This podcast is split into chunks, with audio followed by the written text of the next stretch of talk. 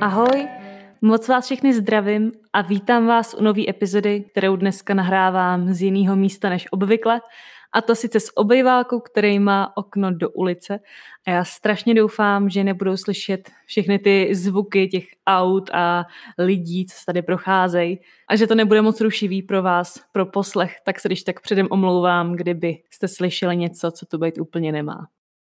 Dnešní téma je teda krystalový oltář. Měla jsem trochu dilema, jestli tuhle epizodu nepojmu jako oltáře celkově, to znamená krystalový i čarodějnický. K čemuž mě ještě napadlo, jestli k tomu neprobrat celkově nějaký spirituální místo u nás doma. Ale rozhodla jsem se, že ne, že to oddělím, aby to bylo právě jako přehlednější, protože krystalový oltář, čarodějnický oltář i to spirituální místo mají určitý svoje specifika a podíváme se na ně radši takhle samostatně.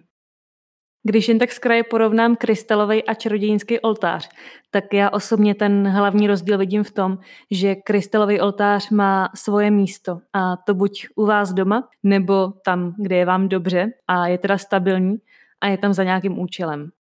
Oproti tomu čarodějnický oltář nemusí mít fixní místo, může být dokonce přenosný a může vypadat klidně jen jako ubrus, na který si pak kdekoliv ty svoje proprietky poskládáme a slouží nám celkově jako taková základna pro naší magickou práci.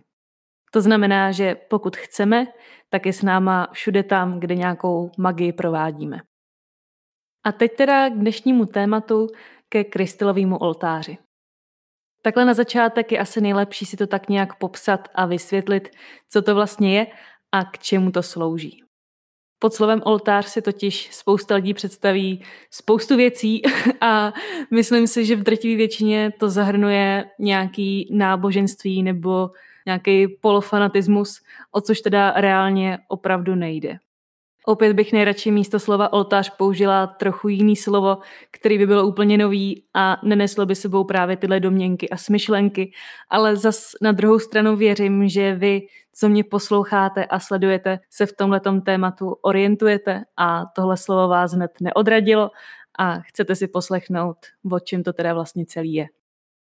Musím podotknout, že já sama, a čem mi spiritualita blízká a je velkou součástí mě, takže to pořád beru docela civilně. A určitě se najdou lidi, kteří budou tvrdit, že jediná správná možnost je přistupovat k tomu takhle a takhle. Stoprocentně takový jsou, ale já vám tu opět řeknu ten svůj pohled, který klade důraz hlavně na intuici každého z nás a z kterého vy si pak můžete vybrat, co je pro vás fajn a užitečný.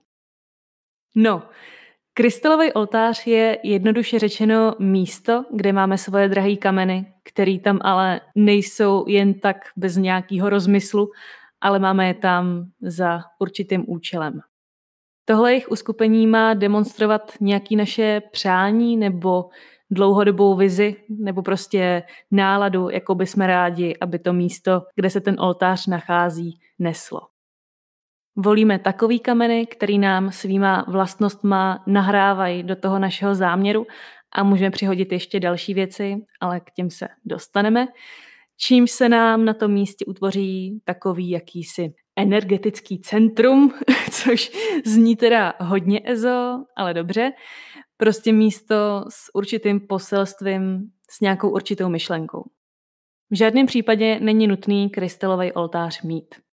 I když máte kameny rádi, můžete mít klidně nějakou krabici, kde máte všechny pospolu, nebo nějaký talířek, kde je máte vyložený a můžete si k sobě ty kameny tahat jenom podle toho, jaký zrovna kdy chcete mít u sebe a to úplně stačí.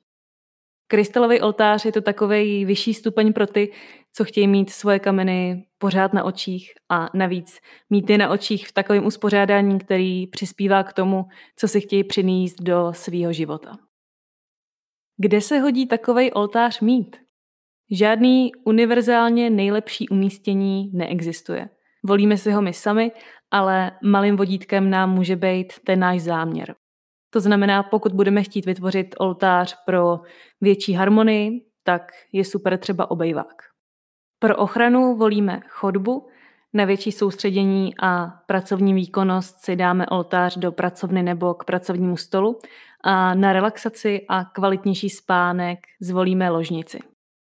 Jestli se ale záměr toho vašeho oltáře neváže přímo takhle k místnostem, tak je dobrý umístit ho tam, kde pobýváte nejčastěji a kde je vám nejvíc na očích. Co se týče místa jako takového, kam ten oltář dát a jaký prostor si vymezit, tak to už je čistě v režii každého z nás. Pokud máte hodně místa a máte i takovou představu, klidně můžete mít svůj oltář na velkém stole, ale naprosto postačí i polička nebo vršek nějaký komody nebo skříně nebo nějaký menší tácek na konferenčním stolku. Není důležitá velikost toho oltáře, ale to, aby pro nás skutečně něco znamenal a aby jsme si při pohledu na to místo připomněli tu myšlenku, kterou vlastně nese. Jen se teda úplně nedoporučuje umistovat oltář na zem, protože tím bychom vyjadřovali to, kde nám ty naše vize a záměry jsou a u nohou nebo na podlaze to není úplně ideální. Když máme to místo vybraný a zdá se nám dobrý, tak si ho nějak připravíme. Já si připadám úplně hloupě, že bych teď měla říkat, vyčistěte to místo, utřete tam prach a tak. Může se to zdát jako kravina, ale i tímhle vyjadřujeme nějakou úctu k tomu, co se tam chystáme vybudovat a je dobrý si dát záležet. Jestli máte tu možnost, tak ten prostor vykuřte šelvějí nebo nějakou vonou tyčinkou a jde se teda na skládání a aranžování toho oltáře. Tohle všechno se doporučuje dělat o novoluní, který samo o sobě symbolizuje nový začátky a novou svěží energii. Možná teď čekáte přesný doporučení, jaký konkrétní kameny použít a jak přesně je na oltář umístit. Snad vás moc nesklamu, ale takovej manuál vám asi nedám. Tohle je individuální věc každýho a není možnost, že byste ten oltář sestavili špatně, pokud budete opravdu ruku v ruce s tou svojí intuicí a pokud na ten oltář umístíte jen to, co pro vás má skutečný význam. Ale abyste neřekli, tak nějaký tip na kombinace kamenů vám dám. Všechno je to samozřejmě dohledatelné v knížkách a na internetu, preferuju teda knížky, ale dám tu příklady možných záměrů a možnou volbu kamenů na ně. Záměr víc lásky i sebelásky.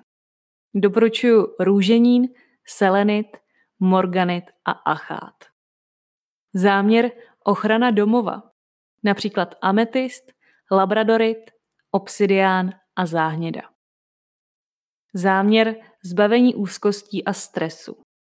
Zvolte třeba sodalit, onyx, avanturín, houlit a růženín. Záměr finance a prosperita. Například pyrit, citrín, tygří nebo jiný oko a smaragd.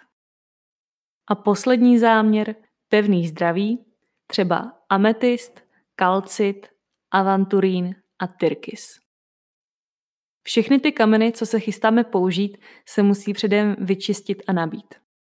Jestli k tomuhle potřebujete maličko nasměrovat, tak si poslechněte, tuším, že epizodu číslo jedna, krystaly a minerály.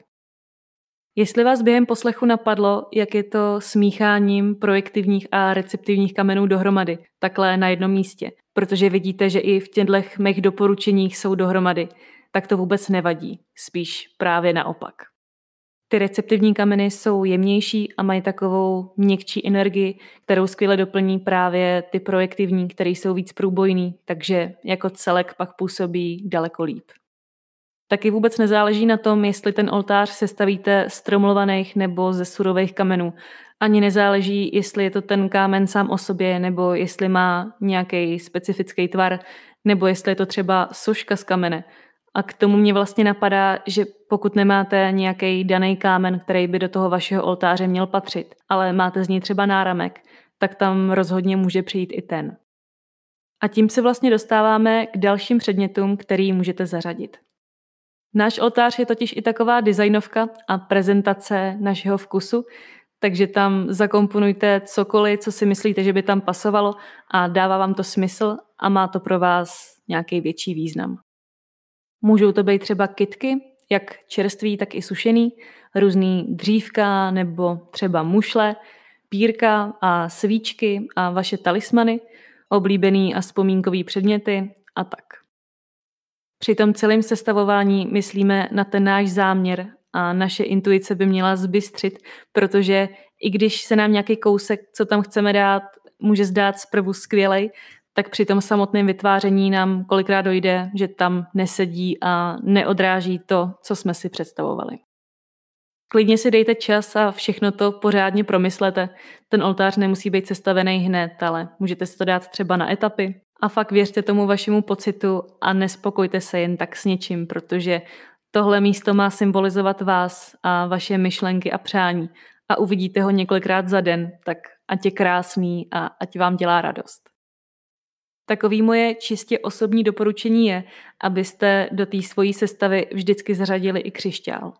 Sám o sobě je krásně čistý a léčivý a zesílí a zároveň zharmonizuje působení všech těch kamenů, takže dobře doplní úplně každý oltář.